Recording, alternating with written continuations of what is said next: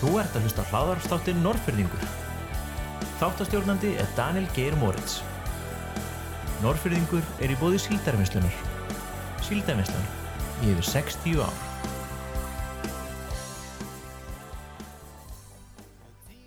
Já, góðan daginn kæri hlustendur eða kvöldið, ég veit ekki hvaða tíma dags þið eruð að hlusta. Daniel Geri heiti ég og þið eruð að hlusta á þáttinn Norrfyrðingur.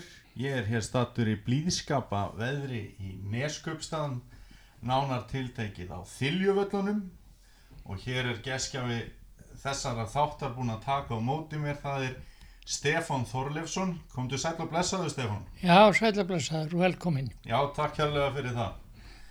Herri, við ætlum að fá að hérna, forvitnast svolítið um þig og það sem að mér langar eiginlega að byrja að spurja þig út úr það er bara svona hvenar þú manst kannski svona fyrst eftir þér hérna á Norrferði hvenar hérna þegar þú ert bara strákur hérna alast upp hvernig kannski svona dæmigerðu dagur var hjá þér og hvar þú bjóst og svo framvegis Já, fóröldra mín byggu inn í fjardarbotninum. Afi, afi, afi minn var Ásmundur Jónsson sem lengi hér meðhjálpar í, í kirkjunni og, og, og predikaði bara ef var eitthvað, presturum var eitthvað lasinn. Og, og mikill heiðursmaður. Og uh, fadur minn fekk þar mjög gott og kristilegt uppeldi. Og móður mín var bara bjóð svo til við hliðina eða í naustakvammi uh, Ari minn hétta Ari Martinsson og var ættaður hérðan eða úr Sandvíkinni. Svona Martin Sterka sem kallar var sem lengi bjóð bjó meðal hans í Sandvík. En móður mín var Vilhelmína Bjarnandóttir frá Viðfyrði og hennars þekktasti maður er náttúrulega doktor Björn Bjarnason sem hans doktorsritja var íþróttur formanna. Hann var mikill áhuga maður um og einn, einn af fyrstu brautriði endum til þess að endurreisa íþróttir á Íslandi aftur. Hann er það nú, en, en fadur minn var sem sitt, þetta hann var, svo hafði bæði landbúskap svolítinn og sjósókn og var nú aðalega róið bara á, á árabát og uh, stundum sótt hans í langt allar í söðu til Sandvíkur. Og þá var náttúrulega þurft að fara mjög eftir sjávarföllum í þar, því að Það er harður ströymur til dæmis út af Norrfjörðahorninu og það var að fara á söðurfallinu, á miðin og norðurfallinu heim. Já, allt eftir kúnstaruna reglum. Ég veit ekki hvort að menn þurfa nokkuð að fara eftir nokkur falli nú til dags. Það held ég ekki. Þannig var það nú. En ég var svo snemma e, eiginlega, ég minni fyrstu, fór fyrst að vinna fyrir mér í raun og veru bara á áttunda ári sem barnfósta í Sandvík. Já, Þar var verstöð og hún var út á svo kallum skálum, Sandvíkur skálum sem er að sunnaverði víkinni.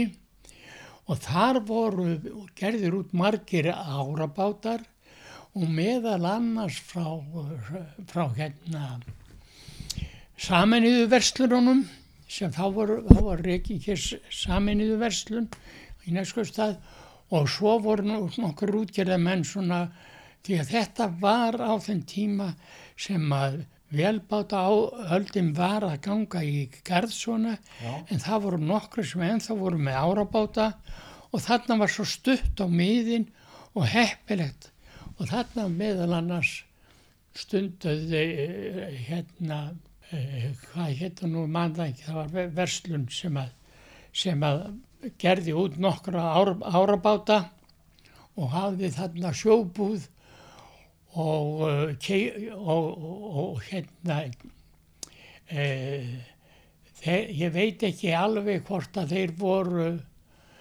bara á föstu kaupi sem unnu hjá þessari verslun og stunduðu þarna sjóróður og árabátunum í Sandvík, ég skal ekki segja um það, Nei. en þarna var tekið á móti þessum fiski og fólki sem var í landi og svá um það að verka fiskin, bleiti hann og salta, Eh, það, það bjóð þarna í verbúð og nokkru sjómenn. Og þessi hjón áttu lítinn dreng sem var 23 ára gamall. Og þau fengu þessi móður þessa drengs kom heim í naustakam til móður minnar til þess að falast eftir bartfóstri þarna í Sandvíkinni e, yfir sumarið og það varð úr að ég var ráðinn til þess að passa þennan tveikja tryggja ára strák. En þá þetta ár var ég ég var á áttunda ári sem var það áttangra þá. S- svaf til fóta hjá einhverjum sjómanni sem spartkaði mig allt sumari og eh, en sama ég komst nú úslasaður þaðan. Já. En svo bara næsta sumar þá kemur bóndakona hérna, maðurinn stundar nú líka sjórófra, eh, bjó á svo kölluðum bæ sem kölluð hundruð, en það er bara eftir mælingu þá var landi mælt út í hundruðum. Ég var aldrei gefin eitt nafn annað, var bara það sem var, land sem var mælt út úr annari jörð, miðsandvík, sem að þá var búið þarna að norðanverði víkinni á fjórum bæjum. Það var sem sé hundruð, miðsandvík, partur og sel. Sel var einsti bæri. Og svo var verbúð á sunnaverðu. Þar, þar höfðu bæði bændutur í Sandvík byggt sér hús til þess að, að gista í og vera í verbúðinni yfir sumarið. Þar til að sláttur byrjaði og svo var, sam, voru saman í þau verslarendar, höfðu byggt þarna verbúð og uh, höfðu mann til þess að sjá um að taka móti, gerðu út að ég held tvo, tvo báta, tvo eða þrjá báta og keiftu svo líka eitthvað fisk af hinn á sjómannur sem að, sem að eru þarna Já. og verkuðu fiskinn. Og þetta fólk sem ég var hjá það sá um alla læsa landvinnu fyrir saminuðu vestarendar sá um alla vand, landvinnu og, og hérna og verbúðina fyrir sjómenninu sem voru á vegum saminu félagana þarna. En þarna áttu þau lítinn strák, eitthvað þryggjára gamlan og þetta var minn fyrsta vinna, atvinna, það var að passa þennan dreng þetta sumar. Hvernig voru laun fyrir barnfóstru á þessum tíma? Laun voru engin fyrir batfóstur annað að ég, mér var gefið að borða, uh ágæta mat og hún gaf mér einhver, einhver, einhver fatnað og eitthvað. Það var ekkert um það. En svo bara sömurð eftir, þá kemur ein kona þarna sem bjó upp í, á sveitabíli en maðurinn hennar stundaði líka róðra.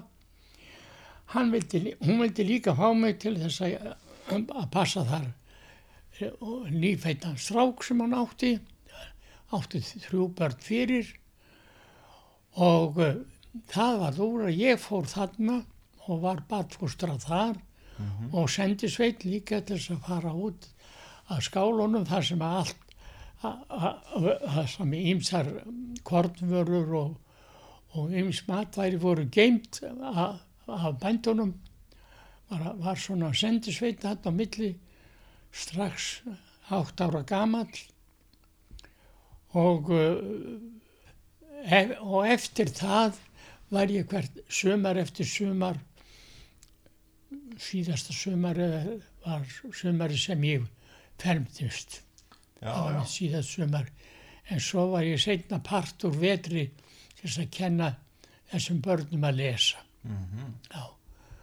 Það var mér fyrsta tilraun til þess að kenna Einmitt. já, Við hefum nú eftir að koma að kennslu betur á eftir. já, á eftir En- já, já, en hvað ertu þá að brasa eh, á veturna á þessum árum? Já, nú, já, til að byrja með, þá hefði maður nú ekki, ég var nú í, í unglingaskóla hér í tvo vetur Já. en ég veiktist illa fyrsta veturinn þannig ég misti af stórum hluta úr vetrinum en uh, svoleiðis að og kennarar voru að mínu vati alveg fram og skarandi liðlegir þá sem dæmi um það að ég var einu sinni, við áttum að læra bæði dönsku og ensku, ég var einu sinni allan veturinn tekin upp í ensku og kannad hvað ég hefði lært. Já, Já, það var bara dæmi um kjensluna já, þarna. Svoleiðis að henn, kennarinn var nú mi- miklu, miklu betri. En uh, samt sem áður fór ég mjög illa út úr þessum uh, vetri. Ég man nú samt eftir því að ég í vorprófi þá slýsaði sér nú á það að fá, fá svona eitthvað uh, sæmilegt, ég held ég fengið eitthvað rúma sex í ensku og eitthvað meir í dönsku þannig að ég hafði nú lært eitthvað svo litið í þessum fögum. Svo var ég allan veturinn eftir í þessum unglingaskóla. Og það gekk nú allt betur. Þá var sér að Jakob Jónsson skólastjóri. Mikill afbrasmaður og uh, uh, ég hafði afskaplega mikið gagna því að kynnast þeim manni. Já, það var alveg sé- sé- það var bókasamt þarna líka í skólanum. Og ég fekk þarna aðgangað að þeim bókum sem ég vildi því að það var bókbindari sem bjó heim í Naustakvammi hjá foreldur mínum og ég fór alltaf með bækur frá bókasafninu á milli til bókbindarans og þá gæti ég lesið það sem ég vildi af þessum bókum. Ég veit ekki hvort að þetta voru nú það er bókmyndir sem að gáði mér nokkuð þroska ég skal ekki segja um það. En, eh, en allavega var ég mjög hafði mjög mikið indi af því að lesa og las mikið. Það var kannski svolítið á kostna námsins en þó gekk þetta nú þannig að ég fekk svona sæmilegar einhvernir þó ég telji nú að ég hafi nú ekki lært mikið til dæmis í þeim tungumál sem þetta verið kend bæði danska og enska druslega svo sæmilega fram úr prófunum en, ég, en kensla var liðleg og ég fann það alltaf setna að þarna varð ég að bæta við mig þarna var ég þetta verði ekki nógu góður undirbúningur undir lífið nei. Hvar, Stefán, hvar var skólinn staðsettur? Hann var staðsendur núna í þessu steinhúsi sem er þarna er inn á niðan við mjölkustuðuna, steinhúsi sem, stendur fyrir ofan hús, síld, skrifstofuhús síldarvinslu. Já, já, Það var gagfræðaskólinn. já, Það var barnaskólinn fyrst mhm, og, og, og síðan gagfræðaskólinn. já. Voru margir nemyndur? Já, það tíma? voru no, bara þó nokkuð margir. Ég, það voru, ég man nú ekki nákvæmlega að það voru margir en ég hugsa að þetta var yfirleitt mjög margir sem hefðu uh, ákveð uh, svona sæmilega námsketu Já, sem fóru í þennan svo kallar úlningaskóla sem setna var, var gagfræðaskóli og fyrsti skólastjóri gagfræðaskólans var séra Jakob Jónsson.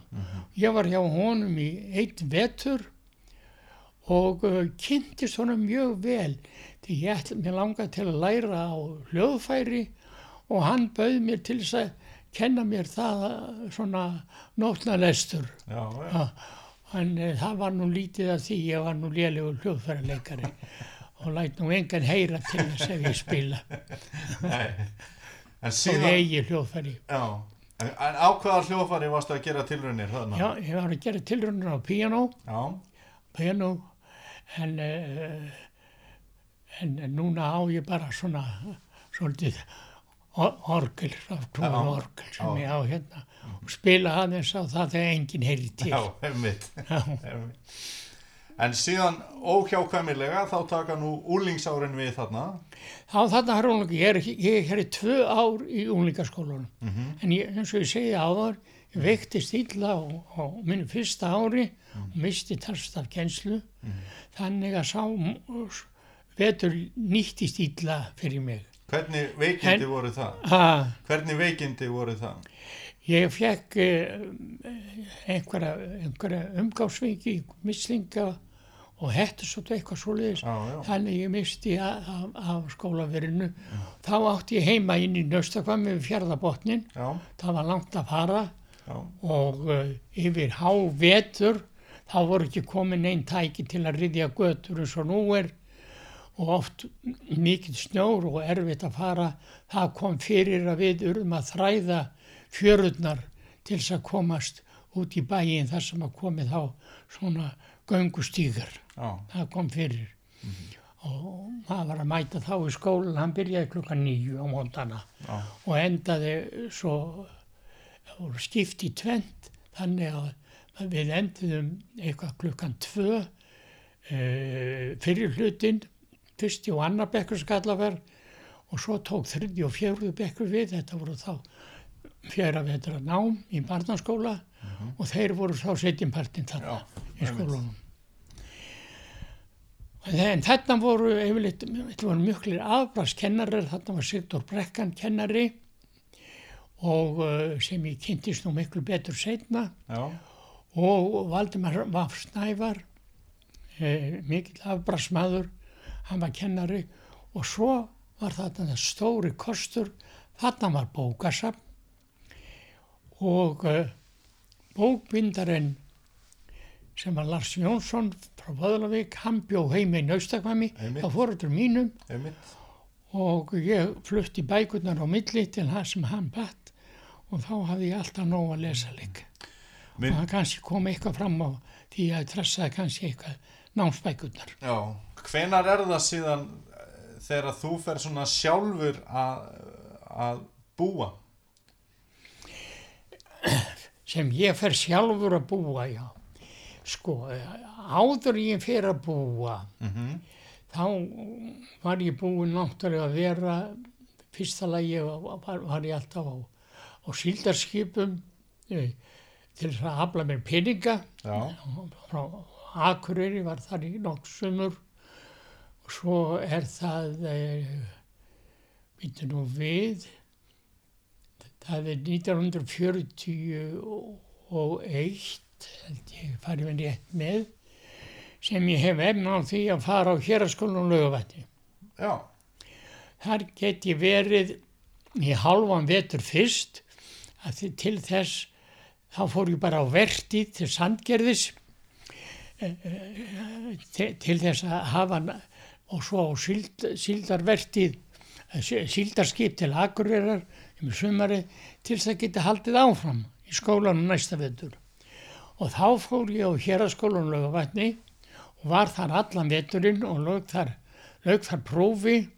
Þá var íþróttakennari skólans líka rekin á laugarvetni og það voru bara svona fjóru til sex nefendur á þeim skóla og, einn maður að- sem að- voru að tveir íþróttakennarar þarna einn sem sá um aðal skólan bæði bóklektnám og íþróttanám. Mikill afbrásmaður Björn Jakobsson. Og hann hafði, eftir að ég var búin að vera þarna tvo vöttur á héraskólan þá hafði hann áhuga fyrir því ég komst að því að fá mig á íþróttakennarskólan ég fekk að vita það. Og þá bara greip ég tækifærið og fór á íþróttakennarskólan 1940 og 42 til 3 já, já. Og klá- kláraði það ná- nám þar um sumarið. Og ég tel það að að fyrir mig var þetta afskaplega gott þroska ár. Og uh, ég sé aldrei eftir því að hafa lært það gaf mér réttindi til íþróttakennslu. Í- þá, það, þá, það stundaði ég í ára tugi svo eftir þetta heimkom já. Mm og, og hvenar kynnistu svo konunni þinni? Býtu nú við. Já, konunni minni kynnist ég náttúrulega fyrst hér. Hún er bara nefendi í, í gagfræðaskóla hér þegar ég er íþróttakennari hér. En þa, þa, þá, er, er þetta bara þannig, hún er döglu stelpa í íþróttum, ekki? Svo fer hún, svo fer hún, skal ég segja þér, á samvinnsskólan og er þar í tvo vittur sko. Svo kemur hún heim og fer að vinna á skrifstofu kaufélaginsins, á kaufélagstjórunum en er alltaf í íþróttum, alltaf við höfum þá sér, bæði leikvimi fyrir stúrkur á, hjá þrótti. Já, og hún var þar og svo var yðkaður handknalleikur alltaf á sumrin. Já, já, og hún var mikil eh, sterk í handbált og ég, ég kendi þess, þessari kendi þessa íþrótt nokkur sumur og þannig myndast kynni okkar í gegnum íþróttinnar gegnum íþróttinnar sem seinna varð varð hún minn eigin kona og, og, og, lífsförunautur og, og, afskaplega afskaplega vel gefin kona bæði til munns og handels og sagtir og hér getur þú séð listaverk eftir hana. Einmitt. og flinkur og eins hérna frammi. Og eins hér sem hanga.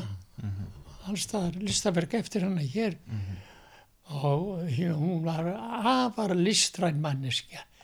Og uh, kunni bæði að meta uh, málaralist og, og, og góða bókmyndir hann var vel að sér. En uh, hún var fætt með uh, hjarta galla og uh, nú en við egnuðumst nú fjögur börn og byggðum þetta, þetta hús hér og líka efrihæðina vorum að vísu sex ár í breyðabliki en eins og frækt var þá fluttum við aftur heim Já, akkurat, akkurat, og byggum hér, já. byggum hér alveg þar til að Manstu, þar til að hún veiktist og þurfti að fara á sjú, sjúkrahús og, og uh, komst ekki þaðan lífandi en uh, svo held ég bara áfram að búa hér. Manstu hvað þið voru gum, eða hvað þú varst gamall þegar, þið flytið út í breyðablík? þegar við flyttum út í breyðablík Nei, ég, ég er ekki vissi því hvað ég var gamall allir ég hafi ekki verið Eða hvaða ára var? ég var líklega komið yfir áttrætt ég held að þannig þú hefur langt í frá verið yngstur þar. Í, í, í breyðablíki Já, það er ég nú ekki vissi en ég var fljótur að átta mig á því. Ég hefði bara bóstæri ekkert að gera það akkurat. fljótur að átta mig á því. Já, og stundaði mikið mínar íþróttir þarna. Í bæði var þetta þægilegt að þarna var nú sundlaugin sem að ég stóð nú fyrir uh, uppaflega þegar við vorum að byggja sjúkrahúsið já, þá var það mjög erfitt að eh, fá viðurkenningu hjá heilbriðsýðurvöldum fyrir því að þarna eitt að vera fullkomin stöð til endurhæfingar já, og þar með mætti ekki vanta sundlaug. Og það var mjög erfitt að koma því í gegn. Það vildi ekki alltaf viðurkenna það. Það var ekki nema á Reykjalundi. En eh, ég held, þetta er best að segja, að þetta hafi verið afar skynsamleg framkvæmt og komið ennþá á góðum notum. Þarna hefði, kendi ég meðal annars mann í sund sem var komin á týraðisaldur já, ha, og hann lærði bæði að fleita sér á bringu og, og baki. Og hann var, ég man nú ekki hvort hann náði 100 ára aldri en ég man eftir í minnstakosti hann náði minnstakosti 98 ára aldri. Já. ég man eftir því. En hann, hann er og nú svo var þetta notað til þess að fara með ungbörð þarna strax, já, Nú er það bara dóttur mín sem er sjúkrað þjálfari sem notar þessa sundlu fyrir sína sjúklinga og, og, og, líka fyrir mæður sem komum með ungbörn. Mér þykir alltaf sjálfum mjög vænt um þessa sundlög Já, því að hann Sigrún Jónsson laurugluþjóð, hann var afi minn. Já, og hann átti tíma þarna í lauginni þegar ég er strákur já, og það var mikið æfintýri að fá að fara með afa í sjúkrahúslaugin já, að já, það var Sigur Jónsson lafið. Já, það var mikill heiðursmann. Já.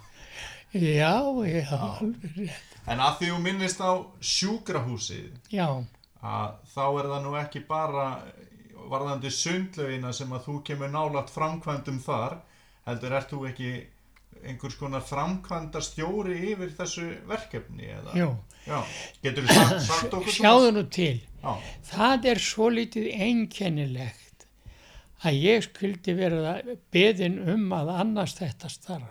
já, Svona til bráða byrða. Þar til ég fengi þá einhvern annan þæf- hæfari. Sko, og þá er þetta, þetta kallað sjúkrahúsráðsmaður eða forstjóri fyrir sjúkrahúsinu. Hans verk var í fyrsta lagi að ráða allt fólk til að byrja með. Lúðvík Jósesson er formaður byggingarnemnda sjúkrahúsins, sjúkrahússtjórnar og ma- maður gæti ekki fengið betri mann við það því hann syndi þessu einstakarækt og hann kynnis Gísla Haldurssoni sem að var þá fórstjóri fyrir elli heimilinu grund sem var mikill afbrasmaður. Hann hafði umboð fyrir þýst fyrirtæki Siemens já, og þetta er þannig að þeir gera samninga. Gísli býðst til þess sem umböðsmaður fyrir, fyrir Siemens að útvega allan búnað sjúkrahúsins.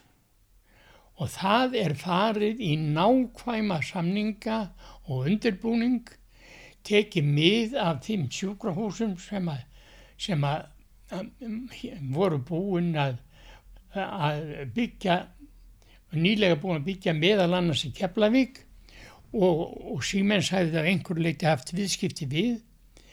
En það var bara tekið ákvarðunum það að þessi afbrasmaður, umbóðsmaður Siemens, hann annaðist fyrir okkur samninga á öllum búnaði sjúkrahúsins.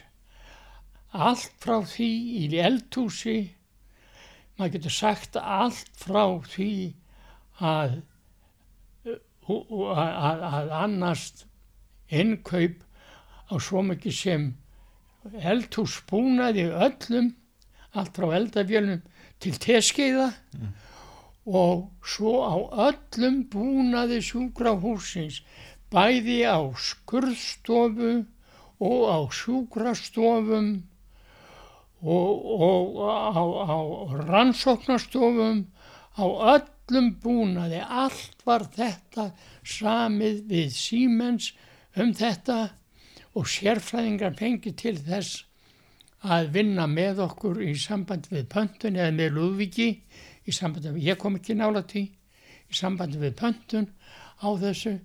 Og þannig og svo var nota tækifærið og þetta var flutt með tóran brímis allt frá Þískalandi hér heim í einni ferð. Já,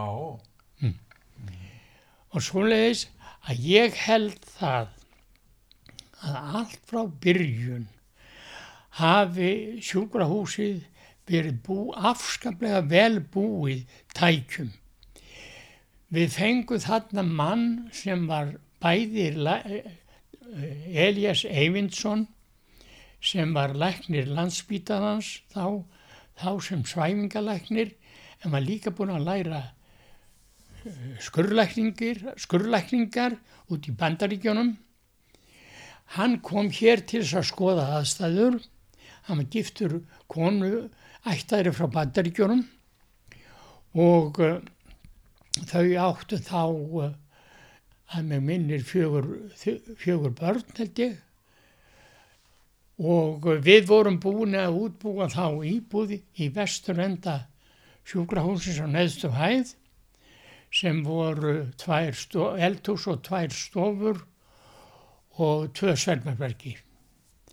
Og svo, var, svo á neðstu hæðinni þarna var svo eldhús að norðamerðu og borstofa að sunnavorðu og rannsóknarstofa út í, í horninu en upp á æfri hæðinu voru sjúkrastofunar og skurstofan. Elias Eymundsson ættar úr Vestmanniðum sem hafði lært bæði sem skurlæknir og svæfingalæknir. Skurstofan kom inn og þar var búið að setja þar inn á hans að var búið að stilla þeim upp, öll tæki þar og eins á sjúkrastofunar þar var búið að stilla þar upp og sína þegar þessi læknir kemur. Já, já, já. og eh, í fljótu bræði sagt er hann afar sáttur og ánaður með þannan búnað. Og finnst þetta eiginlega alveg sérstaklega vandaður og góður búnaður Einmitt. og ég man eftir í hann skoðaði sérstaklega allan búnað sem tilherði skurstofunni og sagði okkur það að þetta væri alveg fyrsta flóks búnaður Já. og hann sagði það að hann ætlaði að fá konuna sína til þess að koma og líta á þetta áður hann tæki ákvörðun.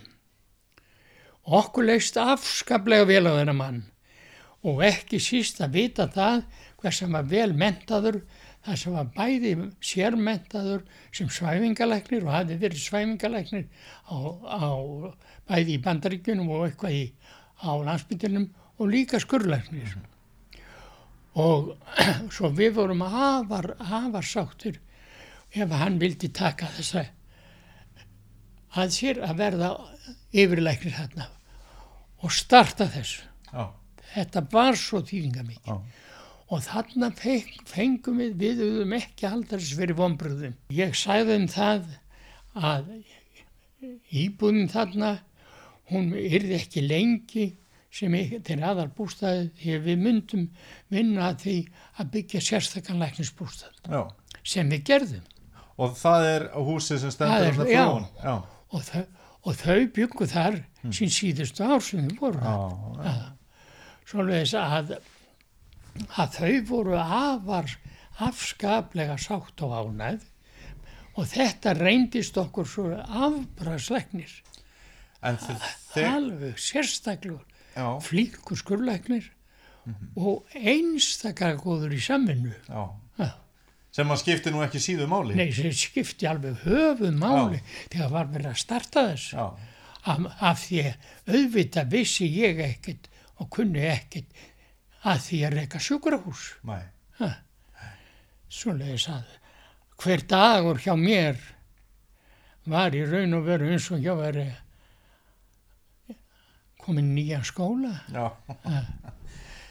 En nú er, hefur stundum verið talað um hvað það sé astnalegt að á Austurlandi sé fjórðung sjúkrahúsi statt í Neskupstað. Þetta er umræða sem ég veit að þú hefur heyrt og allir norðfinningar hafa náttúrulega heyrt. En fyrir því er nú einföld skýringar það ekki. Fyrir því er svo einfalda skýring. Við vissum að það var nöðsynlegt að byggja sjúkrahús. Við höfðum drifkraft og það var sameining og samstarf mikið, ekki einungis í bæjarstjórninni, heldur líka í félagarsamtökum í bænum, um það að ráðast í þetta verkefni og hafa það þá það myndalegt að þarna væri hægt að, að eh, starfrækja bæði handlækningar og líflækningar Já. Og ráða starfsfólk sem að hefði mentun og reynslu til þess að annast þá þjónustu. En eitthvað kostar nú að byggja sjúkrahús og eitthvað kostar nú að fá tæki, hvort sem það er í dag eða á þessum tímum, Og- alveg rétt, og, alveg rétt. og hvaðan komu peningarnir Já, í þetta alls það, það, er, það, er, það er saga sem er verðt að, að minnast á og, og, halda til haga. Í fyrsta lagi, við eigum þarna á þessum tíma framsýn, skinsamann, alþingismann sem líka hafi verið ráðherra Lugu Jósusson sem hafði geysilegan áhuga fyrir því að hér erði betrum bætt og unnið myndalega að því að koma helbriðismálunum í gott horf. Og hann var alveg klár á því, ég var í nefnd þarna með honum, að við þyrtum að byggja sjúkrahús.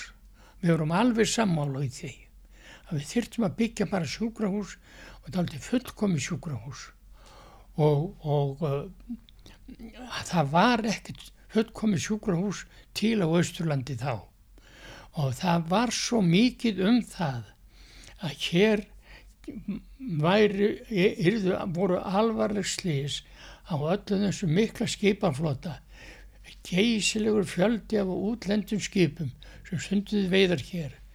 Og oft verið að koma með slasað og mikið veika menn sem að oft var bara komið fyrir í heimahúsum. Því að þá var hægt, það var einu sinni reygin hér lítill spítali hér inn í, inn í bænum nema hvað var, var Bjarnaborg og uh, og er, er, er bara íbjörnhús núna.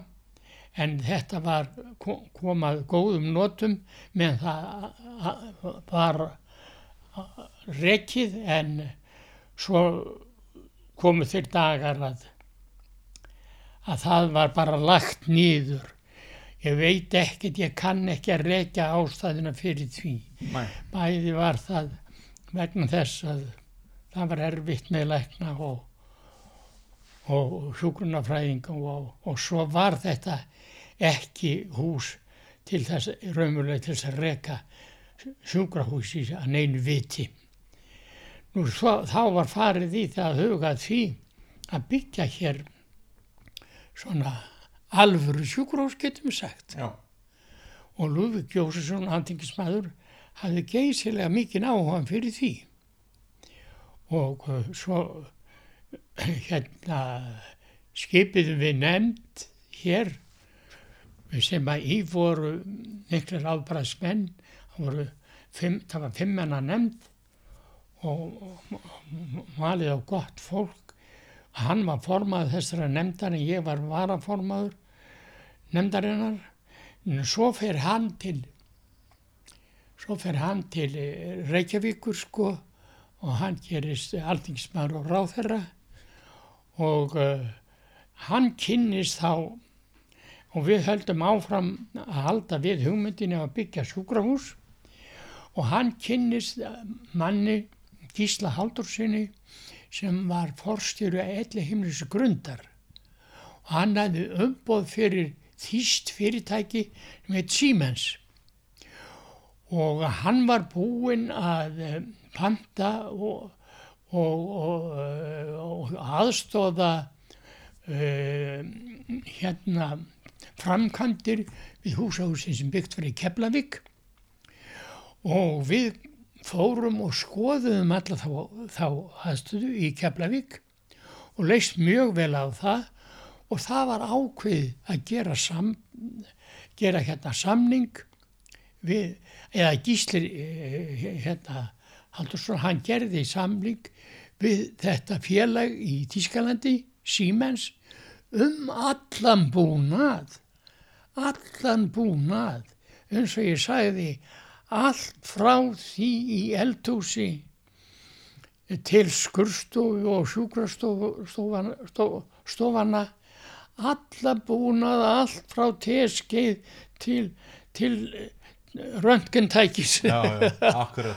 allt kom þetta með tógrunum mm -hmm. tógrunum einu norfyrir tógrunum sem það var ah. allt saman með, með góðum skilum og uh, þetta var samið um þetta samþyktir vikslar fyrir þessu og svo var bara að reyna að standa í því að standa skil á þeim Já. sem gert var það... en, en, en Siemens uh, þeir, en Gísti Haldursson hann sagði mér að þeir hefðu stórtapað að þessu Já, vegna þess að gengið eh, hefði, hefði bre- breyst þannig að þeir, hefðu tapað þessu. já. Hann sagði mér það setna, mörgum árum setna. Ok. En við stóðum við okkar greiðslur, greiðum alla viksla alltaf á réttum tíma. En var það þannig að í, í byggingu húsins sjálfs, einhvern tímann heyrði ég því fleikt, að norðfyrðingar hefðu kostað bygginguna alla og tækjakaupin til háls við ríkið. Ég, ég held, skal ég segja þér, að, að fyrsti hlutin, ég er ekki alveg vissið í, ég er ekki alveg vissið í hvort það er rétt.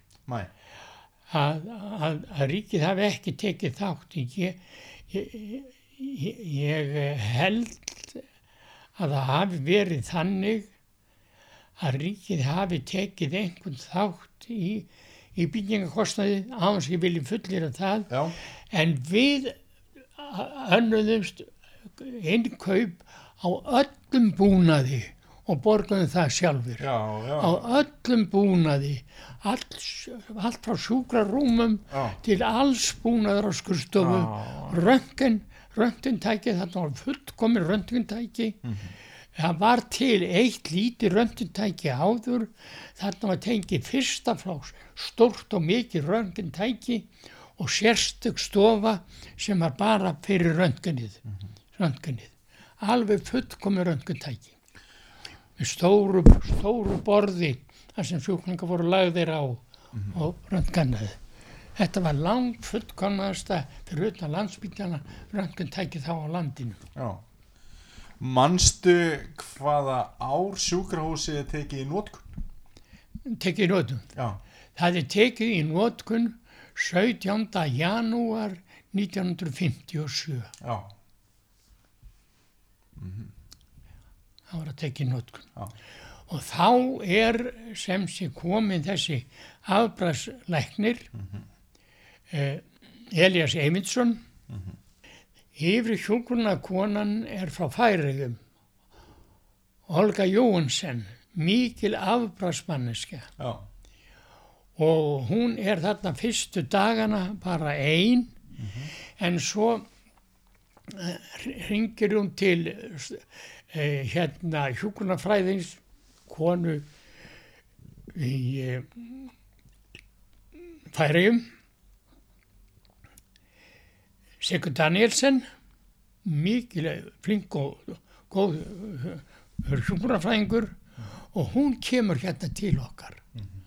Og þær eru tvær fyrst sem að vinna þarna með Eliassi og það er ekki það er ekki búið að starta sjúkrahúsu ekki búið að výja sjúkrahúsi þegar fyrsti sjúklingunum lagður inn. Já, já, hann finnst ungur meðundetalaus maður upp við Ottskarð já, já, hann er fluttur þarna inn áður en að sjúkrahúsið er búið að výja það.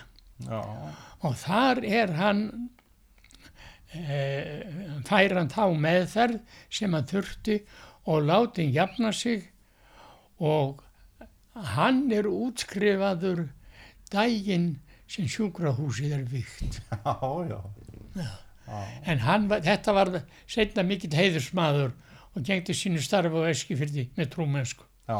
já, En þú kemur nú að framkvæmd annars mannvirkis hérna í sundlaugin.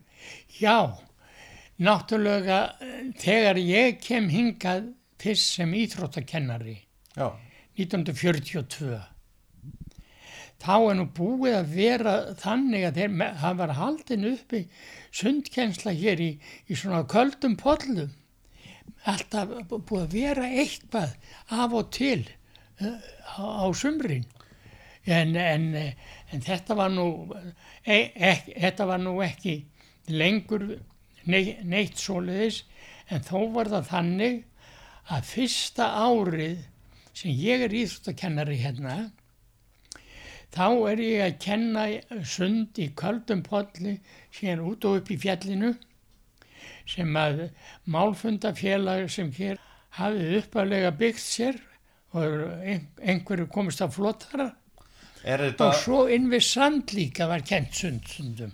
það sem þú ert að tala um hérna upp í fjalli, er það þar fyrir ofan e, rapsmýri og gauksmýri Já, og það. það? var eitthvað pollu þar. þar. Já, já. Ég kendi þar eitt sumar, Já. hafði bara tjald til þess að fólk geti klætt sig í og, og, og, og svo einu sinu ha- var ég inn við sand, það var kallu görn, það var svona læna að, að norðanverðu, að, að vestanverðu segi við sandrifið sem að ekki flættu upp í nema frá leirunni. já, En þegar á heitum dögum þá gata þetta orðið svolítið volt, þannig ég man að ég mældi þetta, ég kendi þetta eitt sumar og eitt sumar hann út í pollinum, meðan betra kennin og sandinum. já, Hún gætt komist upp í mann eftir að vatni gætt orðið, mæ- mældi þetta eins og það mann þetta var 17 gráða heitt. já, já, Að, að, að sandurinn eða flætti yfir sandin eða þannig stóð á eða hafi verið uh, háflóð svona um uh, hádægin svona framundir tvö, þrjú, fjögur þá var vatnið orðið sæmilega volt klukkan fjögur til sex um kvöld einmitt. og þannig, þar kendi ég eitt sumar en uh, ég veit nú ekki hvort að það var hvort það var nú þannig að að, að svo kennst það bara einhvern verulegan árangur. Nei, en þetta var nú reynd að notast við þetta og það var hann eitt kannski tjaldið eitthvað svoleiðis til þess að, að, að ha- hafa þarna hann voru flesti sem klæddu sig bara í sundskýluna eða komu bara í sundskýluna að heiman. Einmitt. já, Já, það var bara þannig það var ekkert sem heiti, heitir að, að, að, að fara alveg reyn út í sundlögu eins og núna er passað. Nei, í eina hættan við sundlögar nú til dags það er það að fólk þóði sér ekki nógu vel nei, og þóði sér í sundskilinu já, þess vegna var ég mjög grimmur við fólk ef ég var við það að ætla að þó sér í sundskilu. Já, og ég man eftir því einu sunni þá komu sjómenn hérna og þeir fara inn sem eru og ætla að klæða sig í bara í sundskilni í klefanum og ég byrði að gera það ekki. Svo er það eitt sem að gerir það. Og, og þegar hann komin inn í störtu klefan þetta voru sjómenn af, af, af íslensku sjómenn hálfullir. Þá, þá hérna þá fer hann inn í sundskilinu ég fer inn og bara kipp honum úr sundskilinu og hann ætla bara að slá mig. Já, já, og, og ég segi bara hann, hann hann ráði þegar ég, ég mun kalla lörgum og reka, reka þá all út. En hann- svo hann hætti nú við það. Já, hætti nú við það. En hvenar er ráðist í að byggja þessa sundlög? það er, það er ákveðið að byggja þessa sundlug sömari 1942 Já, þá, þá er, er farið að byrja á, á svona ein, einhverjum undirbúningum. Þá fer ég til Reykjavíkur og það er minnst það í ferð. Þetta er ferðin sem að sem að uh, uh, ensku sjómennirnir nei, nei, nei, nei, nei ensku eh, hérna stríðsmennirnir farast í snjóbylnum á Eskifjörnsheiðinni, já, nýgjum manns. já, Þá ég er að fara með, söður með þessu skipi, það stoppar þarna á Reyðarfyrði og þar er farkennari sem með íþróttanámskeið, Helgi Sveinsson frá Siglufyrði. Ég var búin að heyra talað um hann og ég fór og hitti hann, var hjá honum um kvöldið, áður ég fór um borði skipið, ég man eftir því að maður var að gæta sér mjög, mjög vel þegar maður fór um borði skipið, eða Resjan sem var, maður að fara söður með, að fjúka bara ekki í sjóin þegar maður, þegar maður var að fara um borð. Það var svo brjála viður. Já. Nefn að þá fer ég söður, þá er búið að skipa íþróttafulltrúa hjá ríkinu, Þorstein Einarsson, mikinn afbrasmann og ég er búin að tala við hann í síma og byggja hann um að að undirbúa te, hérna, tekningar af sundlaug og, og, og, og, og hérna, búnus og baðklefum fyrir sundlaug hér í Neskustad sem við ættum að byggja, sem ákveðni því að byggja sundlaug. Og við sem ákveðni því að þetta verði 25 metra sundlaug, löggjöld sundlaug.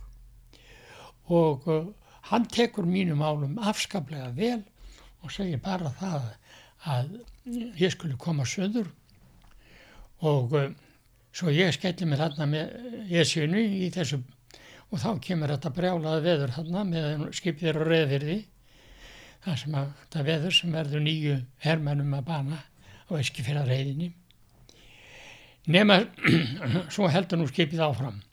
Og það, þessi þetta slýs hafði engin áhrif á það að sjálfsögðu. Það var það býða aðeins af sér veðrið þarna á reyðafyrði en svo gekk ferðin vel eftir það.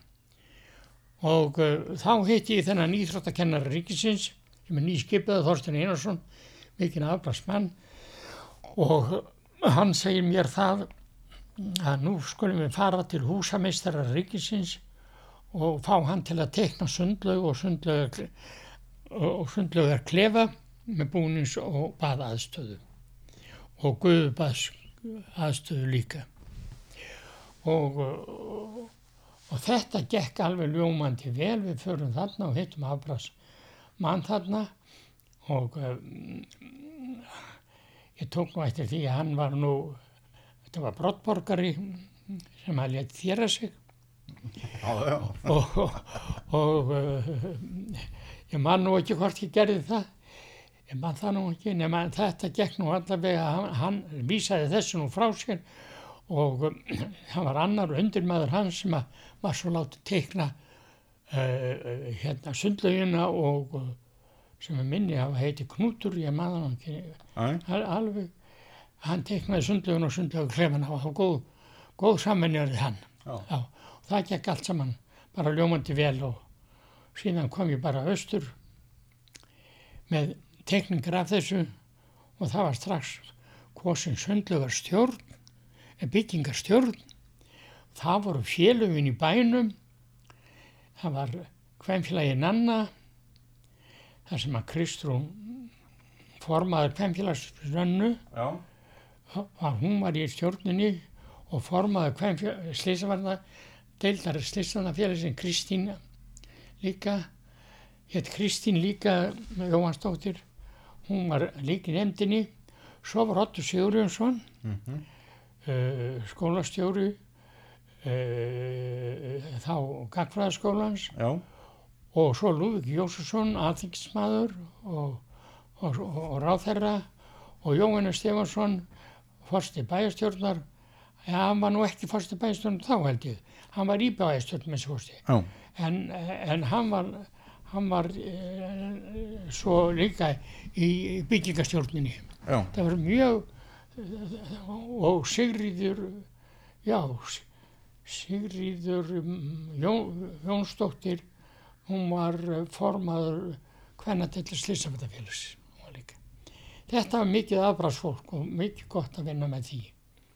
Og það bað mig um að fara söður sem sé mhm, til þess að fá teikningar að þessu og ég hefði bara samband þá við þennan ný skipaða íþróttafullur og ríkisins já, og hann sagði, já, hann sagði bara koma þessu strax í verk. já, Og ég sagði nú bara strax um, um þá stærð sem við vildum hafa á lauginni en baðan um að skila til arkitektins að hann er að taka til þess að við hefðum samt takmarkað heitt vatn, hvað hann gerði vegna þetta var bara kæli vatn frá afbíl og röfstæðar og þetta var allt saman fór allt í gang strax.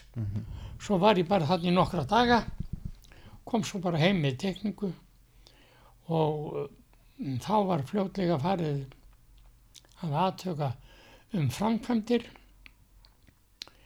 og uh, ég var svo ráðin sem bara sem framkvæmdastjóri fyrir þessari byggingu og byrjaði bara strax að því að að aðtöka undirbúa að allt byggingarefni er, er tilbúið meðal annars að bara móka upp möl úr fjörunum og þá var ekki komin nefn véltæki það var mitt fyrsta verk og, og svo að, að hérna að ráða eh, menn til þess að, að hérna annast byggingaframkvæmdinnar. Já.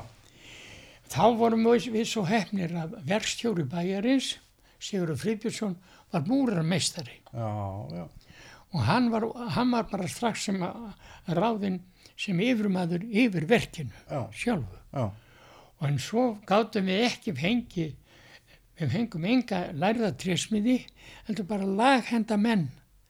Þeir slógu upp mótunum fyrir lauginni, sem, voru, sem bara smalaði og leitaði til bæði af fransimi og kunningskap og, og, og, og, líka hugssjónumeskur þeirra. Og þeir önnuðust uppsláttin allan að sundlauginni.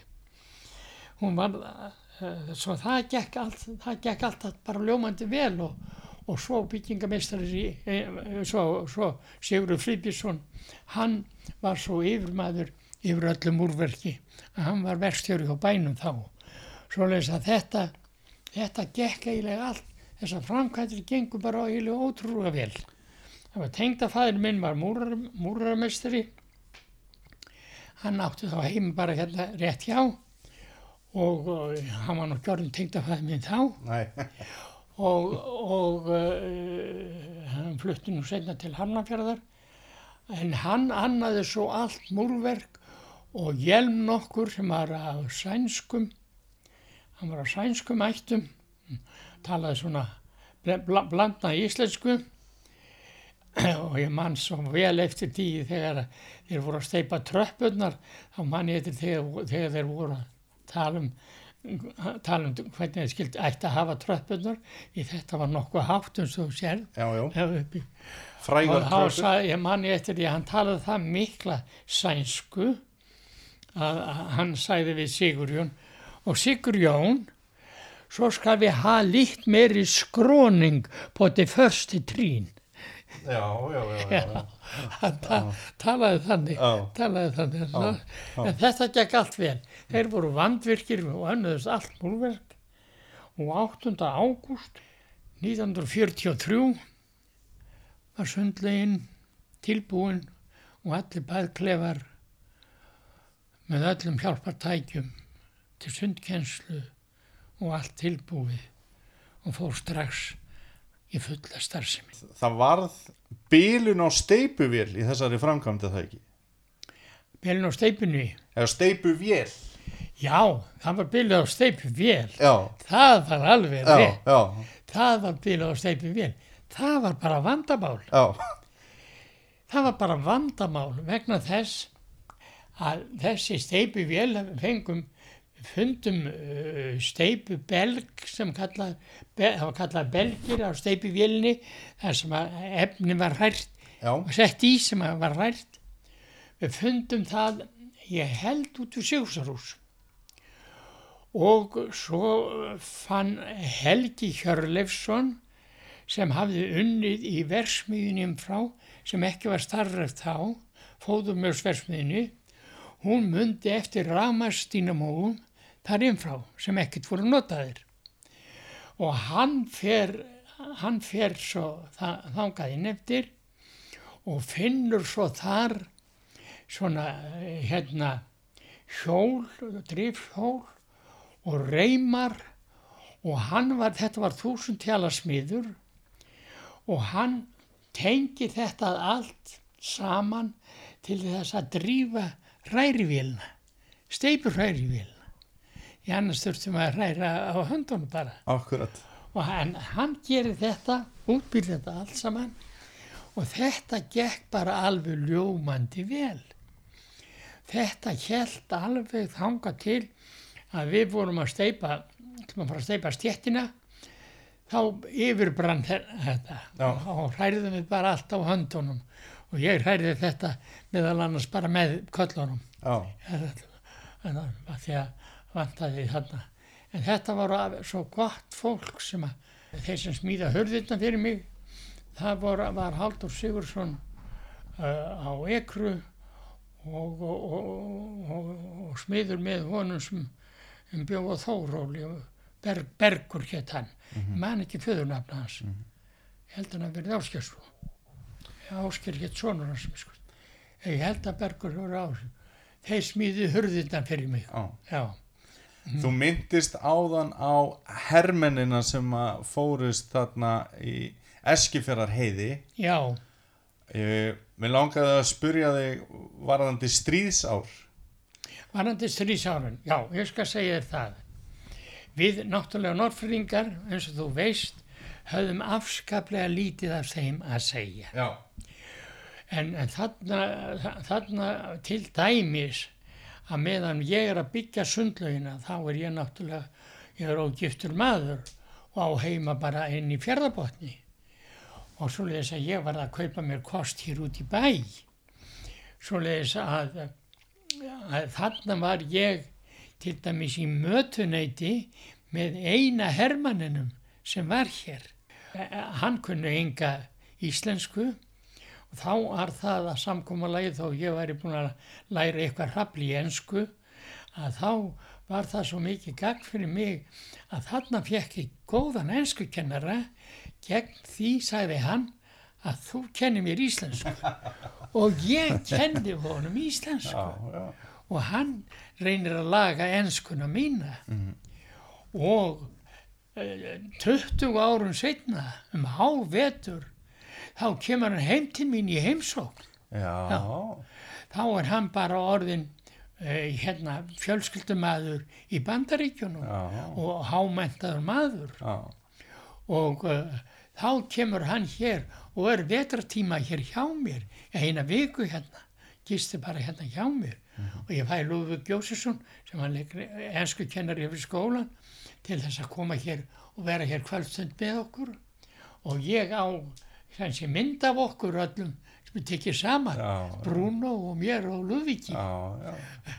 mann ekki, ég get sýnt þér á mynd á eftir og, og þetta var alveg afskaplega skemmtileg heimsókn Já. hjá honum Hvernig var það þegar, að- þegar að setna stríð er og þegar að þú ert þá hérna ungur maður á Norrfyrði að fá fréttir af því sem er að gerast út í heimi manstu eftir því sérstaklega Já, ég man eftir því sérstaklega ve- vegna þess að þá kaupum við okkur í naustakvami, heim í naustakvami. Þá um, fordra okkur átti ekki útvarp en við breyðum fyrir strax og kaupum útvarp, gott og vandað útvarp og um, það er náttúrulega strax, strax sett í gang, það er bara rafhlöður og, og sírubatteri við það, að það var ekkit rama komið þá, þá í naustakvann Já. og þetta er fyrstafásútvarp og þarna getum við hlustað líka á útlönd. Þarna hlustum við lí- líka á bresku fréttinnar sem er á stuttbylgjum. Og þarna við, hlustum við á þýskastöð Já, sem er líka, það talar Íslendingur. já, já. Þar talar Íslendingur og menn er ofta að gíska það hvort það geti nú verið að þetta sé Íslendingur, hvort að þetta geti verið Jóhannes Sóuka sem þá er í Þískalandi eða einhver annars sem þau voru að gíska á, einhver söngvari sem þau voru líka að gíska á, að gleina nafnum honum, nema þeir eru alltaf að gíska á hversi röddin, skiptir nú engu máli. En við hlustum stundum á stuttbylgjunar í þetta, þetta þíska sjúum heima á tækinu í Naustakvami Já, og ég man eftir einni frétt. Þeir eru að segja það að nú hafi bandarísku og ensku sjómennir, held að hafa verið ensku sem við tölum þá, fengi nýja hjálma sem skildu betur nakkan vegna þeir verið alltaf á flóta. Aha. Það segir ímislegt. Kaltæðisleg Já, á, já. ha, kaltæðisleg Já, gamansemi. En ég man að því við hlustuðum líka á þetta. Það var einhver íslendingur sem að þetta annaðist stuttbylgu útvarp frá Þískalandi á strísárun. Fannst þér eins og það væri ótti í, hérna á Íslandi út af þessu stríði? Það var ekki ótti hér hjá okkur. Nei. Ég var ekki var við það. Nei. Það getur vel fyrir að ein og ein manneska hafi innbyrt þetta hjá sér Já. sem hættu. Já, En ég var ekki var við það að að- að það veri nokkuð tíma talað um hættur. nei. Ég var ekki var við það. Manst þú, Stefán, hvar þú varst 20. desember 1974 þegar þú fréttir af snjóflóðunum hérna innfrá? Já, já, já, já, já, ég, ég, ég man eftir tí. Kona mín vann, vann þá á skrifstofu bæjarins. Það var náttúrulega strax haft samband við bæjarstjóru Já, um þetta. Og hún ringdi svo bara í mig, hún lett mig vita um þetta. hvar ert þú þá stattur? Þá var ég stattur hér heima, Já, ég stattur hér heima. Svo ég fer, fer náttúrulega strax á vettfang. Ég er þá í Björgunarsveitinni og uh, Björgunarsveitin hún náttúrulega, hún kemur þarna, hún getur náttúrulega ekkert gert. Hún getur ekkert gert það. En uh, við kom, komum, komum, þarna, komum þarna strax á, á, á, á vettfangum, förum, förum þarna inn á, inn á snjóflárstæðið, þannig inn við versmiðuna. En, en við sjáum náttúrulega ekkert nema eðileikninguna nei. og, og svo er, er skal ég segja þér þarna í, við, við, við sjáltankan sem það var, það var bryggja, þar var bryg, bryggjuhús þarna en uh, það var uh, þar voru tvö, tvö lítil börn mann ég eftir. Þau voru síðan ég manna eftir þau voru þarna og, og bróður minn bjóð þarna í húsi sem var eiginlega byggt uppaflega sem sem brækki fyrir síldar, síldarversmið Já, og hann- hann hann bjó, bjóð þar. Og, og, eh, og kona sem bjóð þar sem var með já hún, hún átti, átti tvo lítla drengi en þetta var fólk sem slapp þann og bróður minn og hans fjölskyldi bygguð þarna líka nátt en e, náttúrulega þessi dagur er bara eins og martröð. Já, hún er, hann, hann er bara eins og martröð já. Mm. kona mín var þarna þá bæjarritari og þarna er þarna mikið um- margt um að vera og, og uh, ég er þarna bæjarfóktin hérna var góð, góðkunningi minn og hann bað mig um að um að koma til sín já, þarna og ég er hjá honum þarna um kvöldið og þá ringir sænsk e, fréttastofa til hans. E, e, hann hafði ekki lært neitt í, í sænsku.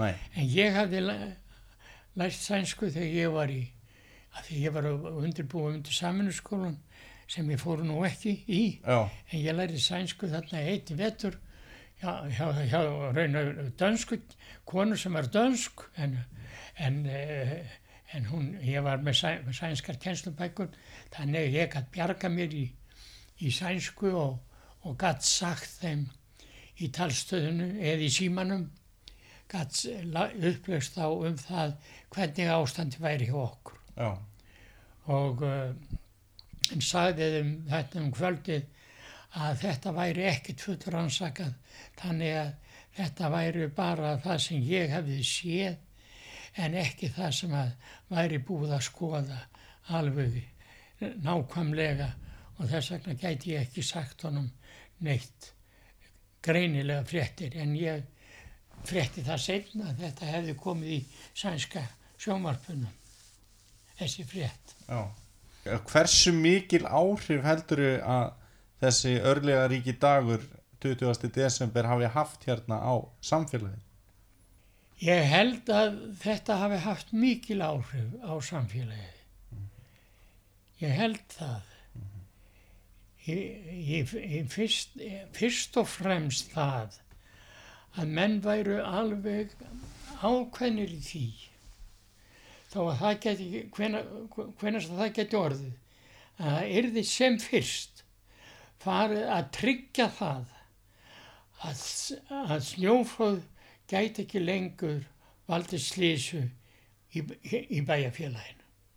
Það væri alveg númur eitt Já.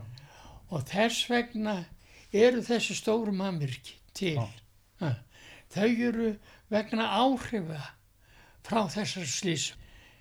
Áður voru menn ekkert að hugsa um snjóflóð. En eftir þetta vissum en það að fjallslíðin fyrir ofan okkur, hún bjó yfir þessum hættum og við urðum að vernda byggðina fyrir þessu hættum að þetta geti aldrei skeið aftur Nei. og það er orðið staðurinn. Já. Akkurat. Það er nú skemmtilegt að segja frá því að, að, mamma og pappi þau eiga hús hérna á blómstöðvöllunum bara hérna fyrir ofan Já, og að horfa út um eldursluggan hjá þeim sem snýr í norður. Já, hvað þessi garðar eru mikið notaðir sem útivistarsvæði. Já, já. það hlýtur nú að vera mjög skemmtilegt þannig. já, það hlýtur nú að vera gaman fyrir gamla íþróttakennaran að vita til þess. Já, ég fer ofta á gönguskíunum, gekk fyrir neðan, stundum fyrir ég náttúrulega bara upp á hjallan og gekk það líka gamnu mínu til að nota útsýni sinns. já, En ég stundaði þar svo mikið gönguskíði, en ég hef nú ekki færið gönguskíði vetur, nei, fyrsti veturinn sem ég slefti. þetta er fyrsti veturinn liðin vetur sem þú fer ekki skýði ég, sem ég, þetta er fyrsti veturinn fyrir ekki á skíði. Já, og ekki fjallið heldur, nei, ekki, nei, það er fyrsti vetur. já. Stefnir á að fara næsta vetur? Ég vil ekki eh, gera neina áallum um það. nei, einmitt.